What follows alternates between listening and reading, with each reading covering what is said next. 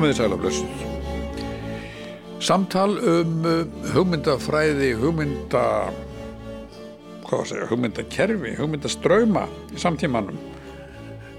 Það verða við hún sefn okkar í dag, okkar Sigur Jóns Árna Ejjólfssonar og gestur okkar, hann er nú reyndar vanur í, í, á þessum vettvangi því að hann hefur oft verið gestur, viðmælandi og eins hefur hann leitt með mér hér þáttaraðir um, um hugmyndaströma í samtímanum. Jón Ólófsson, verður velkomin. Takk. Blessa Jón og takk að vera að koma. Þannig að þú ert profesor upp í Háskóli Íslands en eh, ert, hefur eiginlega verið begja megin allarsans sinns þú varst um tíma í Rúslandi varst þar við nám og svo kláraði dóttarsnámið þetta í Kolumbia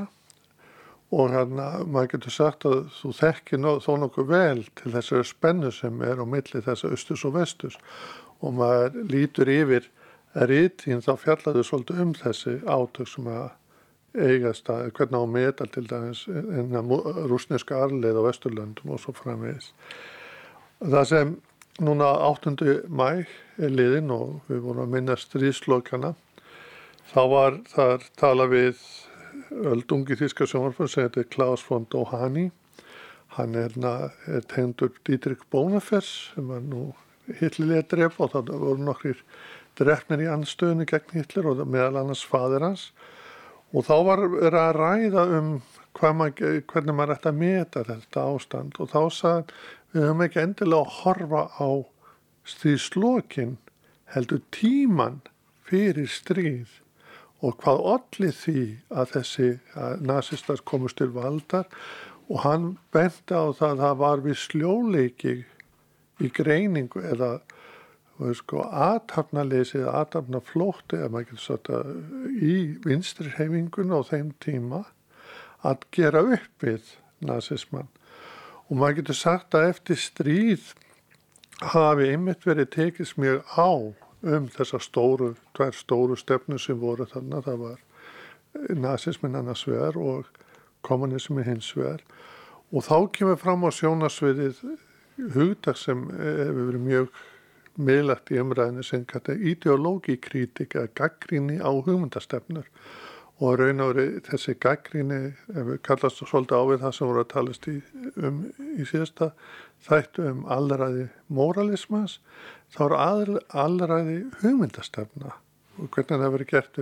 gætur þú aðeins frætt okkur um þetta hugtak og hvernig það kemur fram Já þetta er náttúrulega aldrei svona þýst hugtak en það er, er það á, á þýsku eins og, og notar það. Ég, ég kannski ég sjálfur sér uh, veit ekki hvort að ég hef einhver tíman uh, verið mikið að pæla í því sem slíku en, en augljóslega það sem að í því fælst er eitt af því sem ég hef alltaf haft áhuga og, og Og, og það er náttúrulega það sem að kannski uh, svona, stendur mér næst þegar maður hugsaður um þetta er, er uh, ameríski pragmatismin og John Dewey og, og það er einmitt, mér er alltaf fundist þetta tímabil uh, frá því sent á þriði áratöknum og, og fram yfir heimstyrjöldina svo áhugavert einmitt vegna þess hvað þessi stóru hugmyndakerfi þau þrýsta að því sem að við myndum kannski kalla frjálslindi svona í mjög almennum skilningi. Og, og Dewey á þessum tíma hann er, sagt, hann er mikill uh, hérna, talsmaður liberalismans eða frjálslindisins og skrifar uh, til dæmis 1934 uh, bók sem að er beigð á fyrirlesturum sem heitir hérna liberalism as social action það sem hann er að í rauninni uh, sko bæði krítisera frjálslindið eða frjálshyggjuna eins og hún hefði þróast uh, í gegnum svona 19. öldina og hvernig uh, sko uh, svona markaðshyggja hafði rauninni eitrað hana af þessu marki. En svo er hann líka einmitt að, að sko uh, sagt, að, að, að halda því fram og er svona hálgerður rópandi eðumörk á þessum tíma að þessi, þetta veika og, og svona brot, brotna hugmyndakerfi frjálslendisins sé á endanum miklu sterkara heldur en allræðiskerfin og, og auðvitað hafði hann rétt fyrir sér á endanum og, og, og það er kannski spurningin er kannski hvernig stendur á því? Og, og ég held að, að það sem ég finnst vera svo mikil kjarnaspurning þegar maður er að hugsa um um einmitt uh, þessar pólitísku sviftingar bæði þegar við förum aftur í tíman á, á millistriðsárin og þegar við sjáum sko, þessi hugmyndakerfi sem svo sterk að fólk upplifur þau sko, upplifur það þannig að, að, að svona venjulegt frjálslindi sé bara píp, líðræði sé bara, bara eitthvað fáfengilegt uh, hérna, kettlingablaður sem að það notur nú orðalag íslenska kommunista á þeim tíma. Og í það að, að, að það, það, það er einhvern veginn hinn sterka, sterka hugmyndakerfi. Og svo þegar við erum komin á þennan stað aftur að við, við sjáum uh, hérna, þessa uh, þessar sko þennan mikla svona uh,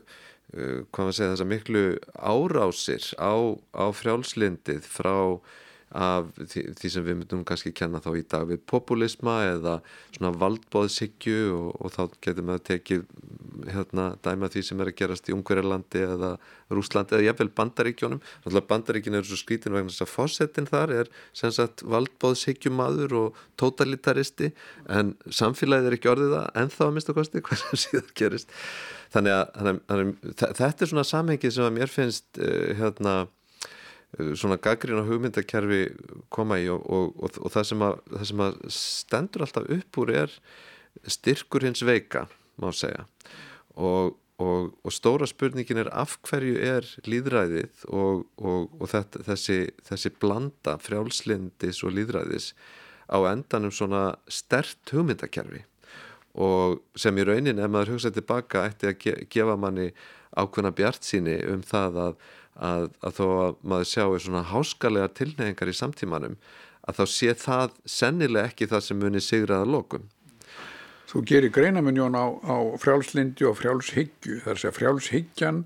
hún sækir að frjálslindinu á, á vissan hátt, það eru ekki sett. Jú, sko ég, mér finnst reyndar alltaf aldrei hérna, erfitt að gera akkurat þennan greinamun vegna þess að, að, að sko, svo frjálshyggja sem við þekkjum í dag, ég meina hún á uh, sko, uh, hún er byggð á mjög sterkum uh, hugmyndum um borgaralegt frelsi, um einstaklingsfrelsi og, og, og sagt, borgaralegt samfélag sem ég held að séu uh, sko mjög mikilvægir eða óaðskiljanlega hlutar af svona þessari almennu hugmynd samtímans um frelsi og bara gott líf. En, en svo þetta er menna, partur af uh, hérna svona, uh, hvað maður segja, svona rótækni eða populískri pressu samtímas snýst líka gegn uh, frjálsíkjunu sem, sem ég held að sé ekki á öllu leiti sangjant eða rétt og ég meina það er líka bara merkilegt að horfa á það hvað er sko djúft og algengt sko að fólk uh, finnist sko uh, sagt, að tala um kapitalisman sem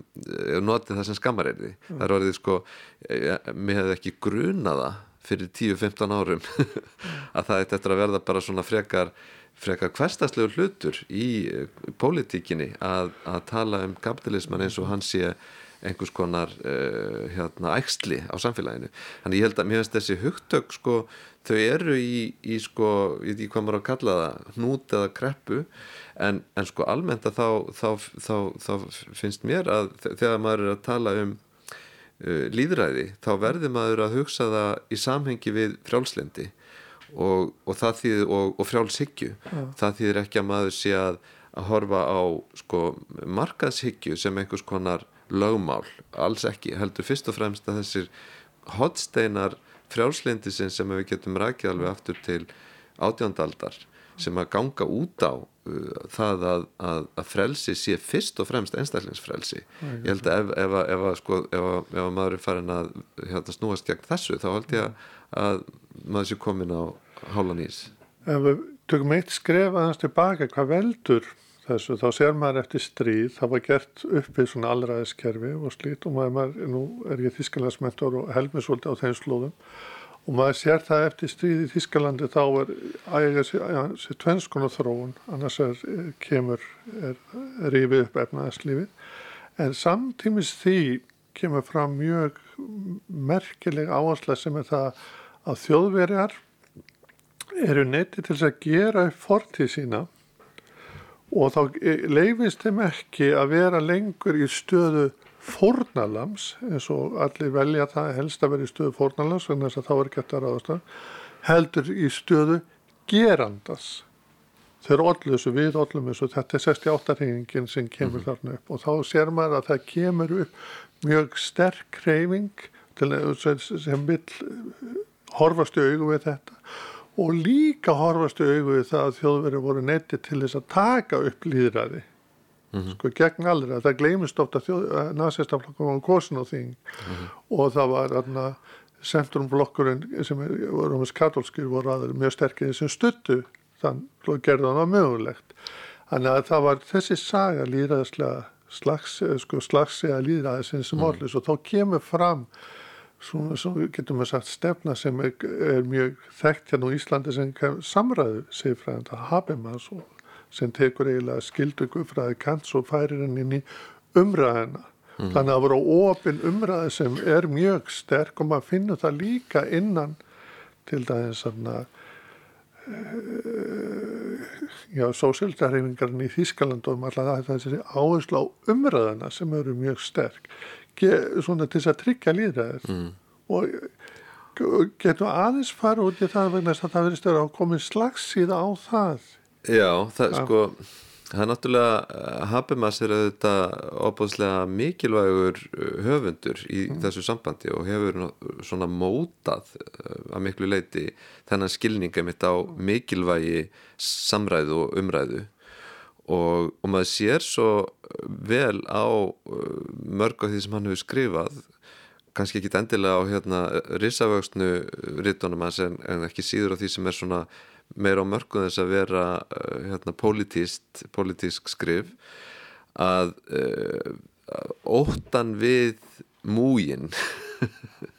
og það er auðvitað það sem að líðræðið er þegar allir á bátnum kvöld líðræðið er vald músins og múrin eins og hérna, Sókrates orðaði að gerir bara það sem verkast vil hann getur kosið næstaflokkin uh, gefið næstaflokknu meiri luta eða gert eitthvað annað. Og, og þetta uh, þessi það sem ég finnst alltaf svo merkilegt í þessari þýsku umræðu er einmitt þessi þessi hérna balans á milli þess að, að sagt, rækta Uh, samræðuna á borgarlegum ofinbjörnum vettvangi annars vegar en varast múguræðið hins vegar og, og, og það finnst mér vera daldið enginandi fyrir, fyrir Habermas og fyrir kannski þíska umræðu daldið mikið og, og reynsla þjóðverja eru þetta alveg mögnuð af því að þeir gera eins og þú segir að, að, að þeim tekst þetta að, að búa til uh, hérna, andrúnsloft þar sem að fólk er tilbúið til þess að segja við vorum gerendur og við þurfum að takast á við það. Og jáfnveil sko kynnslóðir fættar eftir stríðið þurfum að taka þátt í eh, verkefni eins og hérna hvað hétt þetta nú Víter Gutmachung sko sem voru allskyns borgarlega verkefni sem að, að, að þísk ungmenni til dæmis voru sendt til að taka þátt í sem að væri rauninni tengdist þá þessa, þessu uppgjöru við stríðið. Og og hérna og það er náttúrulega held ég sko þessi þetta sem að, sem að hérna gerir stöðu þjóðverja svo sérstaka í dag og mörguleiti svo sterka móralst er að hafa geta gert þetta. Og við sjáum minna, Rúsland eða, eða Bandaríkin sko að, að það er svo rosalega erfitt í þessum löndum að eh, fara út úr fórnalamslutverkinu og ég held að Rúsland er alveg sko sérstaklega gott dæmi um þetta vegna þess að, að ég man til dæmis eftir því fyrir, alltaf ekki verið fyrir fimm árum að þá er þá kemur upp, hafi verið reyndar mikil umræðan Danmör, í Danmörku um uh, hvernig Danir hafðu komið fram við landflóta fólk fyrir stríðið. Og það voru nokkru tugir dæma um það, það var reyndar íslenskur forðlegafræðingur sem að skrifaði bókum þetta. Baklið medaljönar hér bókin og, og hérna snýstum það að að, að, að Danir voru frekar ómannúleir við, við fólk sem að, að var uh, sannanlega á flotta undan nazistum og rak fólk tilbaka sem að síðarlendi fangabúðum og, og týndi lífi. Og, og það kemur upp svona pressa í dansku stjórnmálum að byggjast afsökunar á þessu. Og það finnst dönum náttúrulega aldrei erfitt vegna þess að þeirra góðsögn er einmitt að hafa bjarga gýðingunum yfir til Svíþjóðar. Og það séu nú að vísu kannski blendensaga líka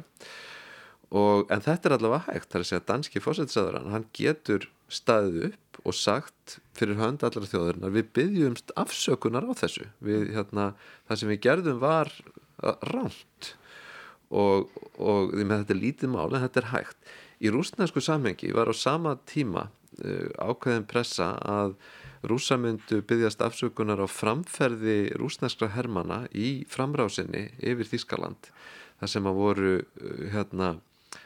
rillilegt ofbeldi gagvart uh, einstaklingum, nöðganir og, og, og bara sko ótrúleg, ótrúlegar uh, sögur af slíku sem að hafa alltaf verið svona verið haldið hálfpartin lendum í Rúslandi en svona samt kom alltaf upp á auðborðanslæð. Þetta var gjörsamlega óhugsandi. Það að Pútín gæti staðið upp og, og sagt viðurum gerendur ég menna hann hefði einsketa bara sagt af sér eitthvað sko það var fullkomlega óhúsandi og þetta lýsir svo uh, aftur þegar maður talar um sko styrk líðræðisins það er að segja þarna er Rúsland svo veikt þarna er, er uh, sagt, þessi samræðu heimur uh, stjórnmálana svo veikur og svo brotættur að, að hann þólir ekki uh, að það sé viðurkjant eitthvað svona. Meðan að, að þjóðverjar geta gengið gegnum þetta og orðið sterkari fyrir það og ég meina Söður Afríkar og þetta annað dæmi. Þar var nú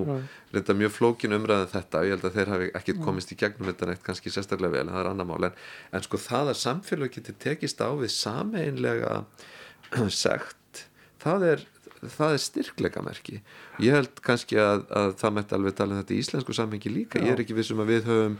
höfum sínt þann styrk, ég held að æsefmálið sé kannski einmitt dæmi um, um skort á slíkum styrk að viðurkenna eigin uh, mistök sagt geranda hlutverk eða eitthvað slíkt sko. þannig, að, þannig að ég hérna svona út frá, út frá þessu sem þú segir með, með, með Habermas og, og samræðilíðræði í Þískalanda þá er þetta, maður sér hvað þetta er sko um, hvað þetta gefur mikinn samfélagslegan styrk að, að þetta hafi orðið til á þessum, þessum áratugum, við erum kannski að tala um svona frá því á sjöndarátugnum og og fram, fram til dagsins í dag sko. Það er aðtilsvert að þetta er ennþá mjög spennulega í Þýskalandi og ég var að horfa á því sjónarkunni bara fyrir skömmu þá voru að tala um það fjallu 27 miljónir rúsa mm -hmm. í stríðum. Það er engin fjölskylda sem er sko hefur ekki um, svarta binda út af stríðinu og, og svo að tala um að þjóðverða ekki ennþá beðist afsökunar á innrúsunni eða þá sko viðukent þar hreinsanir sem áttu sér stað á þenn tíma þeim mm. byrtast alltaf sko það vestuvöldun annars en þegar Pútina bauðum að vera við annað síningun á nýjunda mæ þá svöruðu þið ekki einu mm. sinni mm. og þá er, er þetta er ennþá uppgjör í gangi en það, það sem ég var að hugsa í sam, samfóttuðu það sem við erum að fjallum það ásið breytingarna stað maður sér til þess eins og þegar hérna maður les Freud, maður les Kant og Habermas og, og þessar menn, þeir ganga alltaf út frá skildunni mm. það sem maður á að gera og þetta er eins og þessi prentað inn í maður er eitthvað, eitthvað bóð sem maður fylgir og til þess eins og eins og Kant þá er þetta bara rödd ímanni sem maður samþykir sem eiginlega styrkir sjálfsmyndina en þú veist, þau voru aðeins komin inn á nýfrálsíkjuna og og, og hana, sem kemur upp á þessum tíma það ásist að breyting, maður sér að það er ekki lengur talað um stjættabaróttu stjættabaróttan er eiginlega leist á hólmi af annari spurningu sem er svona identitetsspurningar eða mm. sjálfsmyndaspurningar. Þær verið algjörlega miðlagar og þá kemur ekki lengur, er ekki lengur áherslan á sko skilduna heldur möguleika mm -hmm. maður þekkir þetta þegar þetta kom það er ekki til vandamál heldur verkefni og allir þessi frasar og á sama tíma breytist eiginlega sjálfráði einstaklingur á Vesturlöndum úr að sjálfræðins byrtist aðalagi því að hann er neytand og túristi þetta er svona, ja. þetta er svona uh, breyting sem ásist á virðist ganga eiginlega er eh, komin upp af þessum mörgum í dag sem kalla fram á vist óþól mm. sér, og, hana, og svo eh, kemur þriðja þetta, já, þetta er líka tíma fyrir ekki að ég spyr svona stórt en við erum á tíma það sem er stórt spurt og verður að svara stórum spurtum og reyna að fá þessu. Svo er líka verðist vera að með Habermanns og samræðumræðinu þar þegar maður að, er að lesa Habermanns og hvernig hann skilgrinda þá eru mjög strángar kröfur hverjir eiga að koma að þessu borði mm. þess að geta rætt í ofin umræðu og þá er bara eins og populista myndi segja þetta þá er bara mentaelitan sem mm. er að koma starrað og að maður sér til þess allt ennbætismannakerfi þar eru allir mentamenni sem er að tryggja sig og útlokka stóran hópa á samfélaginu mm. þannig að það er komið líðræðishalli mm -hmm. og þetta vorum að tala hér á þátturum byrjaðum sko jöfn atkvæði sem myndi skapa líka líðræðishall og það eru mm. viðbröð við þessu það er eins og þessi óþól í samfélaginu út af þessum breyta skilningi sem nýfrjálsíkjan kemur svolítið með að maðurinn er fyrst og fremst neytandi og þá eru allir ekki lengur sko menn er ekki lengur sko vinnuveitendur og, og þess sem er í vinnu heldur það er allir sko verktakar og þá er allt í einu líka þessi margræðinni samfélagins leysist upp og það er alltaf að tala um gegnsægi mm.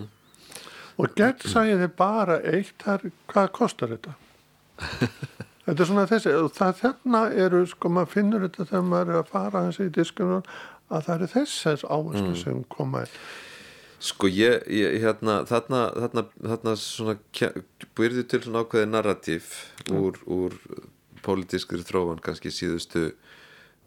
20-30 ára eitthvað svo leiðis mm. og, og ég held að, að það sé kannski hægt að segja söguna líka dálítið öðruvísi sko mm.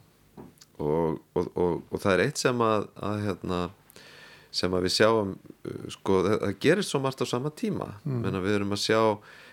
sko tækniframfarir í uh, hérna, samskiptum sem að uh, kinda undir og styrkja svo mikið í rauninni markaðstarfsemi að ímsu tægi mm. til dæmis þannig að, að hérna, það er óðarlega erfitt að skilja orðið hverstasli samskipti sín ég að vilja vinni sína frá markaðstarfi þar að segja að þau eru undir lögð af félagsmiðlum eða annar staðar af, sagt, af, af af fyrirtækjum sem að hafa áhuga á þeim. Þau hafa ekkert áhuga á þeim út af, af sögum ástæðum og Hitler og Stalin hafði áhuga á því hvað að hugsa heldur út af því hvað, hvað hægt sé að marka setja og selja. Og þannig að þessi neytendavæðing hún kemur svo mikið með uh, sjálfsvæðingu af vissanátt sem að kemur með því að, að, að fólk hefur meiri tækifæri til að tjá sig, tala saman og tala ofinbarlega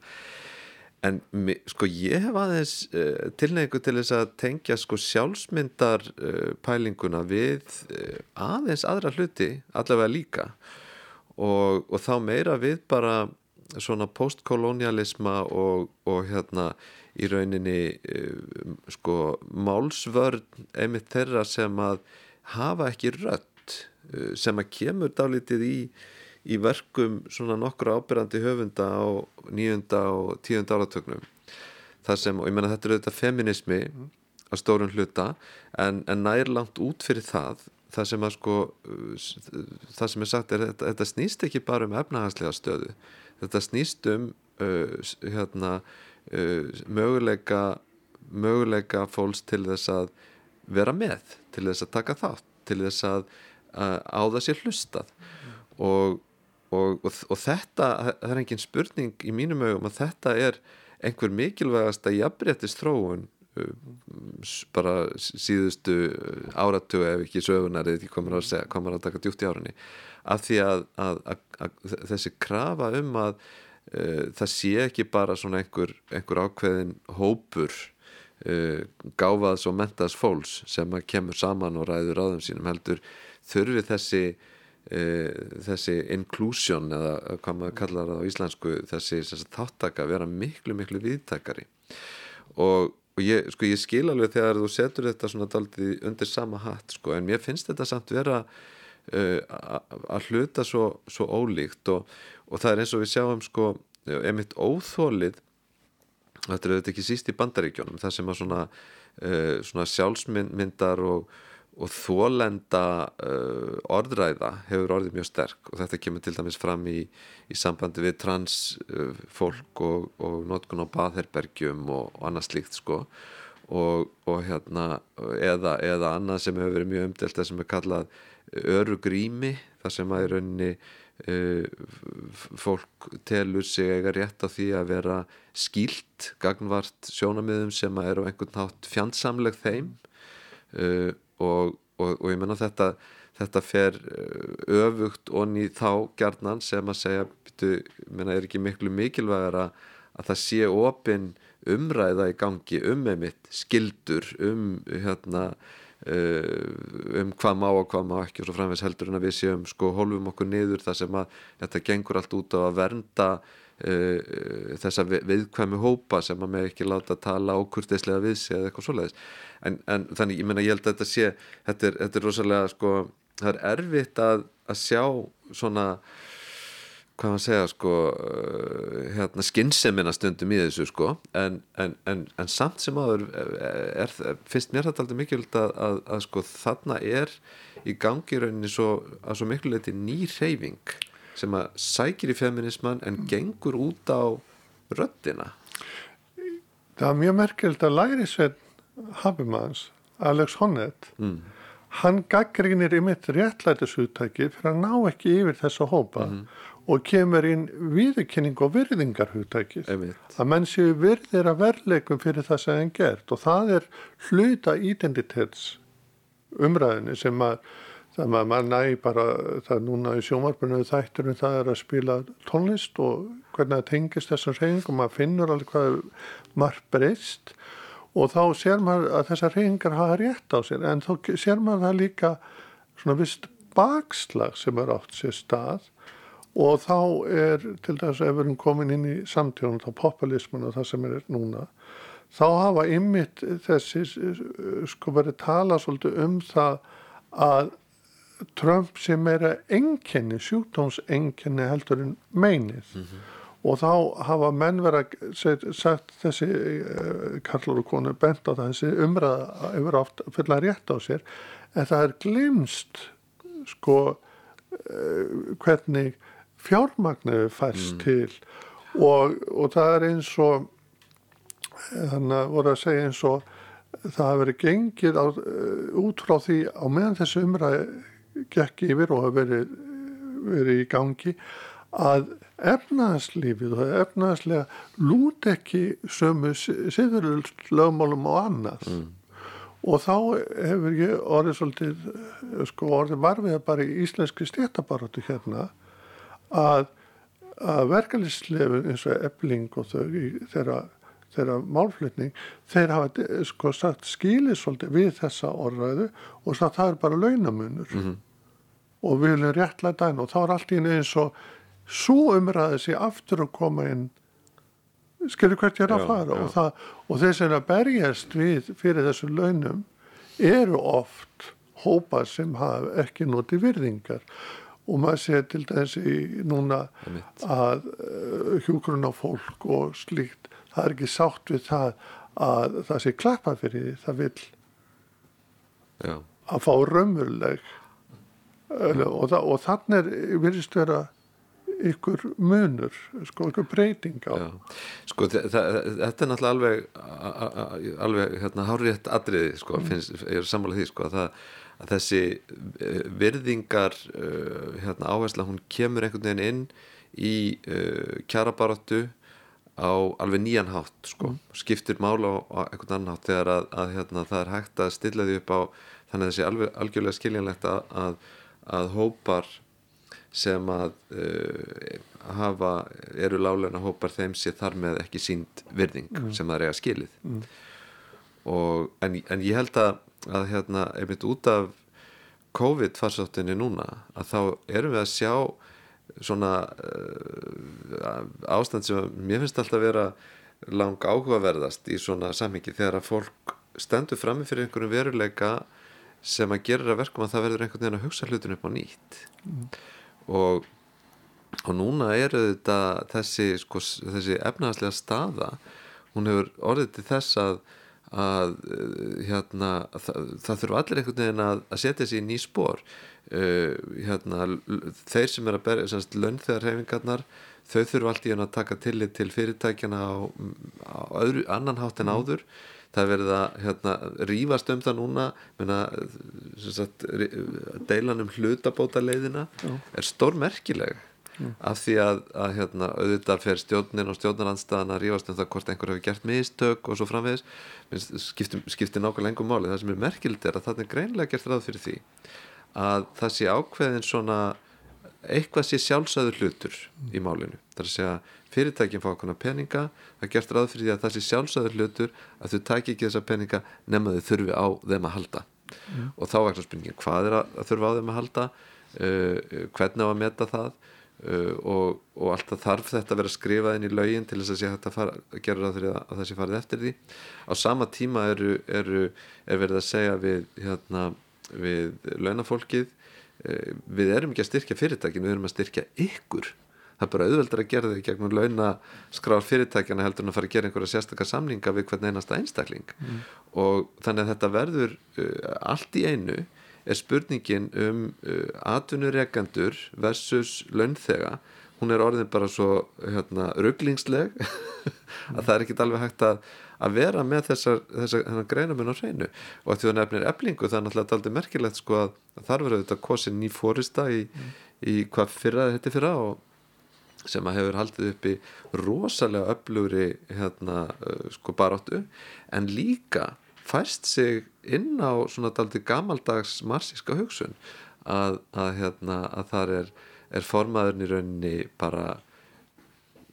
bara gamaldags marsisti og, og, og, rótækur uh, og er með fólki kringum sig sem að deilir þeirri sín en það er líka daldi, daldi merkild að sjá það af því að það er í rauninni kannski einhver leiti bara tilviljun að, að hún er uh, það vill svo til að það er þannig manneskja í fórustu fyrir þetta verkefælisfélag en þá fyrir það líka að hafa áhrif á, á hitt sko. En það, það, þetta leiður nefnir tugan að eh, sko, þegar, bara þegar þú nefnir marxismann þá fer maður auðvitað að hugsa um, um möguleikana á, á gaggríni Um, sko, ma marxistar hafa nú löngum talið sig vera miklu betur í stakk búin en aðra, aðrir til þess að gaggrína því þeir hafi ákveðin ákveðið uh, kenningalegt bakland. Og af því vorum að tala um Habermas áðan þá sko Frankfurtermenn sem kallaði voru Adorno Horkheimer og þeir félagar þeir gaggríndu þeir, þeir voru að reyna að vinna úr nazismannum þar sem voru með gaggrína á nazismann en þeir voru líka að gaggrína sovjetið og meðal annars með því að, að,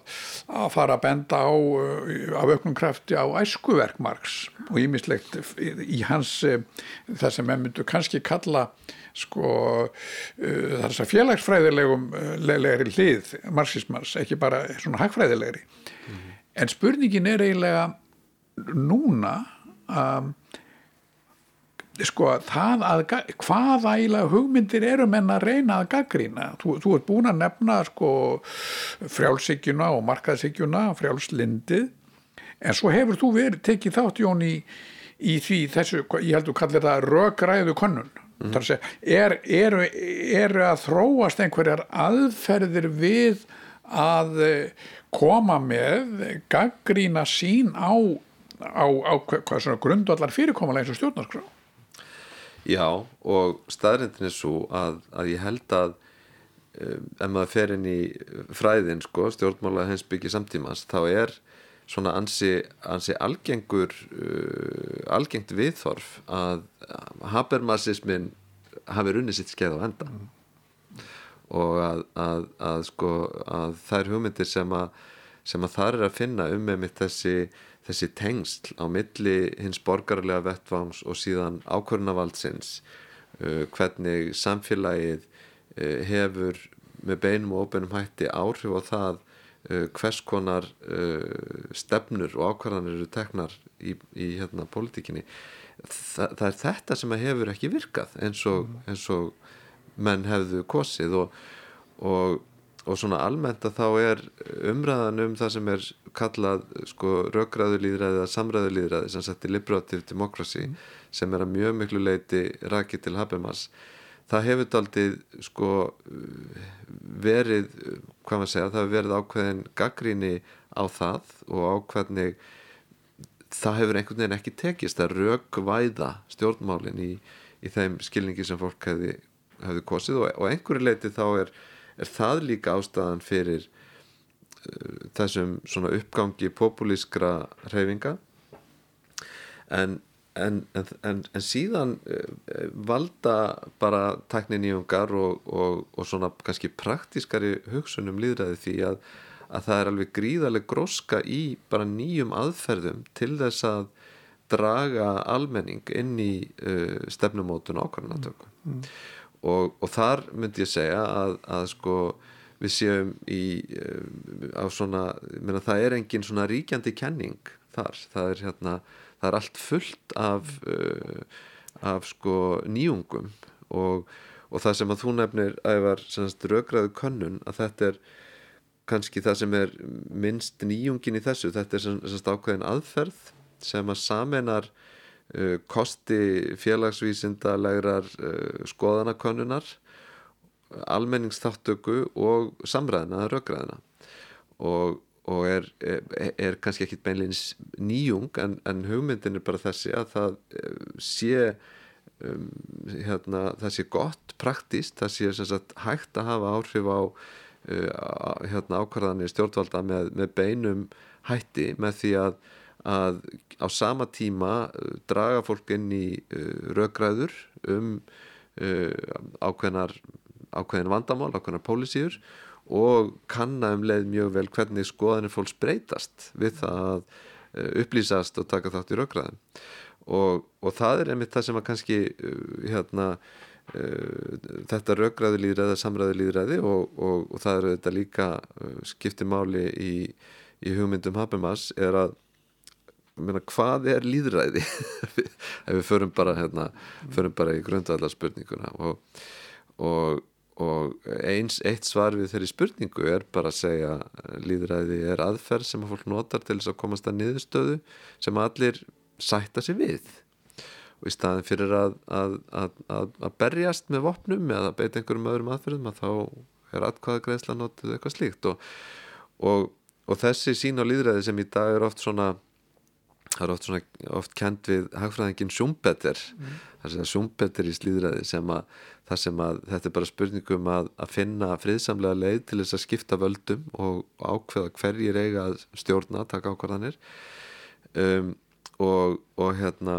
þannig að, að e, ef maður vil segja þetta líðræði sé bara snúist bara þetta þá, þá, þá erum við ekki að tala um samræður í slíku, slíku, slíku líðræðismódeli við erum að tala um bara uppskiptingu valda. Röggræðu líðræði og, og, og þessar hugmyndir hérna hafum við að svo þetta fleiri John Rawls er þetta líka mikilvægur hugsuður gang út af það að þetta sé ekki líðræði sé ekki þetta heldur sé líðræði í rauninni tækifæri sem að fólk hefur til þess að tala saman og til þess að skipta um skoðun frekar heldur en að hanga í hagsmunum sínum eða því sem að því var innprentað eða eitthvað líðræði er, eru samræður þar sem að fólk á grundvelli betri raka mm. uh, betri tengsla við aðra betri skilnings á hlutunum átt að segja á því eitthvað sem það helt var bara vittleysa og fer að halda eitthvað annað. Alveg eins og við byrjuðum, við vorum að ræðum atkvæðavægið. Ég meina, eða mér finnst reyndar mér finnst reyndar alltaf skemmtilega dæmi þó að það reyndar verður alltaf, fólk verður alltaf svo æst þegar það byrjar að tala um þetta, það er áfengi, vestlunafrelsi með áfengadrykki og, og það er hérna það gerist alveg reglulega að það kemur fram frumvarp á alltingi þar sem einhver leggur til að þetta veri gefið frjálst með einhverjum hætti. Eh, það er ekki að skoðanakönnun. Skoðanakönnun sínir að yfirgnæfandi meiriluti þjóðurinn stiður þetta frumvarp. Svo líður ákveðin tími 2-3 mánuður og viti menn það er ekki lengur yfirgnæfandi hluti þjóðurinn sem stiður frumvarpið heldur þert á móti, það er minni hluti. Hvað hefur gerst?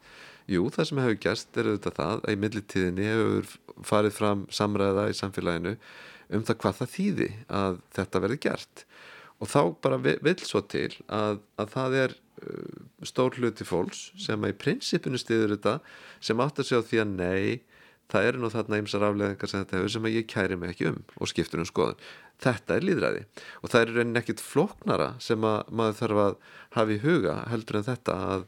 að fólk geti skipt um skoðun og, og gerir það stundum á grundvelli uh, góðra röksamda til þess að segja sko, þetta er sá hluti líðræðisinn sem við eigum að rekta og varðveita. En svo er spurningin hvernig gerur það? Og, og, og, og hérna elitu menta hugssjónin sem að einkennir svo mikið bara evróska hugsun á sjötta, sjöunda, átta áratögnum hún er það er ákveðið skipur og tennar sem við sjáum í dag að það, hún virkar ekki það er eitthvað annað sem þarf að koma til og ég menna þessa með þetta með uh, identitet og, og rödd skiptir þetta mjög miklu máli þar inni líka. En þetta, þú segir sem í raun og veru er það að líðræða það að maður getur skipt um skoðun og komið hann á framfæri. Og þá er ég að veltaði fyrir mig núna þegar við erum í þessum faraldri korona, koronafaraldrinni og þetta snertir alla við sýtum bara hérna í stúdíunum með langt á milli okkar, það er breyttar venjur. En svo komið í ljós á þessum tíma að það er ímislegt sem fólk held að væri ekki hægt að breyta sem er hægt að breyta. Mm. hafa gengið í gegn alls konar uh, aðgerði sem var óhugsandi að gera áður. Og svo koma eins og afleðingar í ljós sem um, maður sér að það þarf að gera eitthvað og eins og við sjáum bara myndi frá Peking eða Innlandi og fólk sé til hýmis að mengunin er raunverulegur sko þetta er afleðing mengunar, það er búið að ráðast á lífkerri þannig að þessi veira virðist komast á stað. Þannig að umhverfismálin þetta er ekki bara einhver hugabörður heldur einhver raunveruleiki. Og líka þessi áhersla sem við erum að tala um uh, sko líraðisugsun og líka og líka með þarna nýjum frásökjuna að frásökjuna það frelsi sko einstaklingsins sem var eiginlega frelsi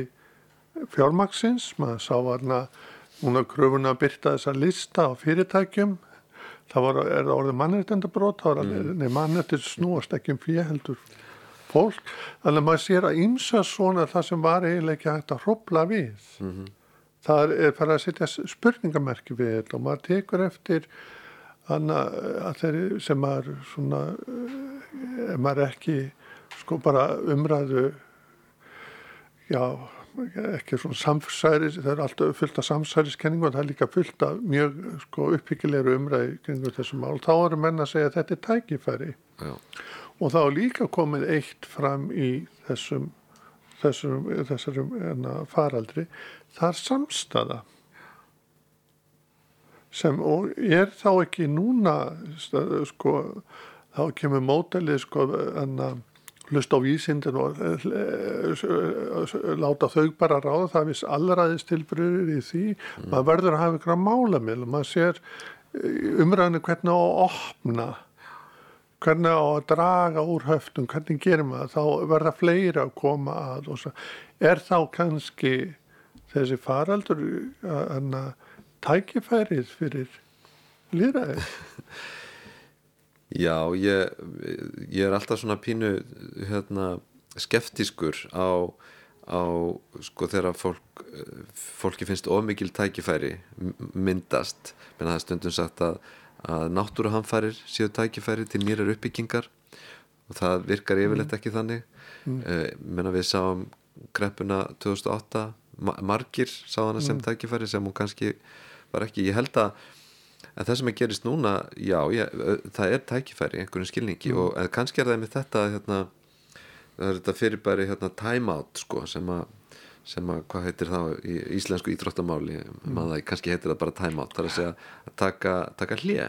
Mm. Þetta er notað mikið á, á leikskólunum og í mm. barnauppeldi þegar einhver er, er alveg brjálaður. Kannski er þetta komið í staðan fyrir skammakrókin, sko. Já, já. En það er þetta að segja stopp nú bara stoppum við, bara gerum ekkert mm. hérna, snúum okkur út í hotni eða, eða höldum okkur höndum og það er, það er auðvitað þetta þessi þáttur uh, út af farsóttinni sem að, að hefur verið svo merkilegur að fólk það bara stoppa í spórunum sem það er og hérna uh, og, og, og það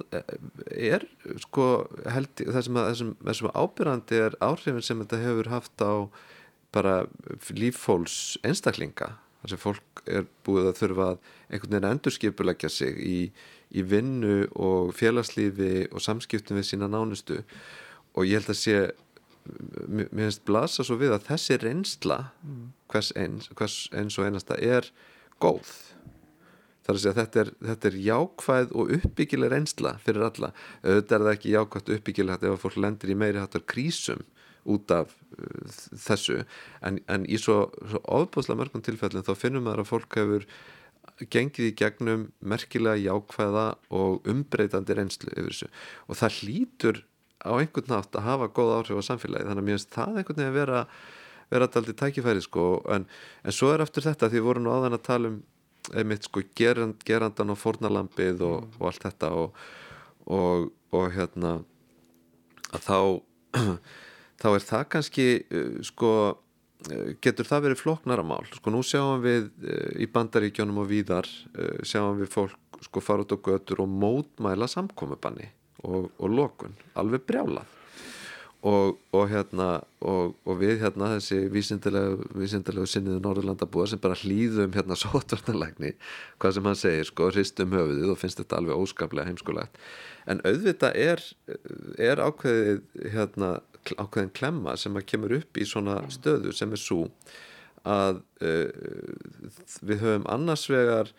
uh, aðgerðina sem að varða hvern einstakling. Mm. þar að segja þegar verið að segja við við fólk hérna, til þess að vernda þig þá skal þú bara vera heima vinnur, skal bara ekki fara í vinnun og ekki hitta neitt, þú bara verður heima hjá þér. Og, og þá hugsar auðvitað hver einstaklingur fyrir sig. Já, á ég bara að hanga heima? Hvaða líkur eru nú á því að ég veikist og degi ef ég fer út og fólk er fljótt átt að segja því að jáfnvel er mjög slæmum faraldri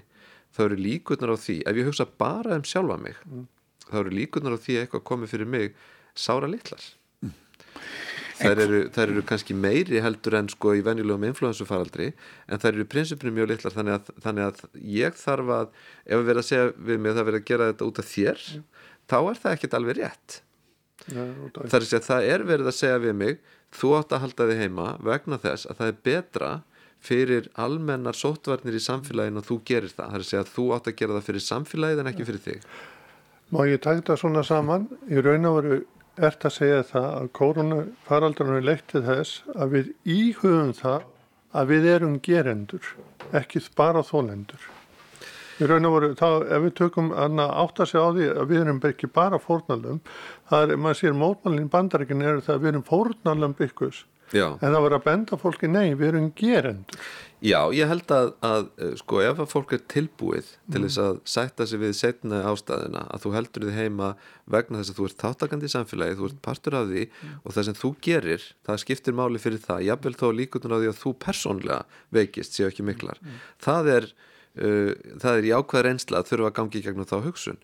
Og, og, og þá er maður einmitt líka ekki, ekki fórnalamp uh, vondra stjórnvalda heldur er maður ábyrgur þáttakandi í samfélagi. Mm og þannig að þarna held ég að sé uh, mikilvægt atrið en það, það sem ég fyrða mig á er að þetta er ekki ofarlegi umræðinni þar að segja að þessi, þessi aðgreining og ég held að stjórnvöld freystist aldrei til þess að hræða fólk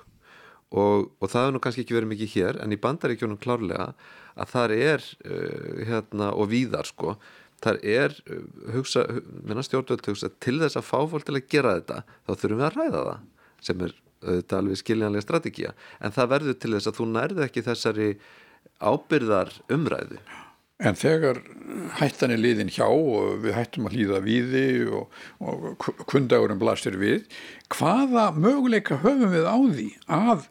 að ebla raukræðuna, að vera, gera okkur betri stakk búin til þess til dæmis að breyta stjórnarskráðu eða gera einhverja grunduður breytingar? Er, er, er, samfélagsmiðlanir, döga þeir? Nei, held ég ekki og ég held líka að, að sko ég menna þú veist, þú getur haft uh, ólíka, ólíka skoðan á þessu bara eftir í hvað þú vilt vera rótækur sko, hérna kannski á maður bara að, að berjast fyrir byltingu eða eitthvað svoleiðis, en sko ég, ég held að, að hérna að það sem að uh, ég held að eitt af stæstu vandamálum við sko svona líðræðislega framkvæmt hjá okkur og, og viða í líðræðisíkjum snúist uh, kannski um það að, að það vantar uh, sko, áhrif fólks á öllum stigum stjórnkerfisins. Það er oft ennblínt svo mikið á ákveðin partaferlinu, þar að segja hver, ákveðin sem er tekin á lögjafan, á stjórnaskrána meðan að, að sko líðræði í mínum huga snýstum það að draga rattir fólks inn í uh, ekki bara uh, stefnumótun einstakar ákvarðanir heldur inn í alla administrasjón. Og það vantar náttúrulega gríðarlega mikið upp á þetta. Og þetta er bara flókið uh, verkefni. En er ekki það sem við vorum að tala um kannski þessi tími núna er það að við þurfum tíma þess að íhuga þessi mál. Og þá er allt einu, það samfélagi þarf að hægja á sig til þess að fá tíma til þess að hugsa málun og þá er, verð ég að segja hennar sem guðfræðingur lokin, þá sé áttamaður sig á gildi sunnudagsinn sem er einmitt hugsaður fyrir þetta. Já. Ég þakka að kælaði fyrir komuna. Já, láta þetta vera þessu líku hér með og uh, ég þakka hlustandum bara fyrir að, að fylgjast með okkur. Jón Ólafsson, bestu þakki fyrir að koma til okkur.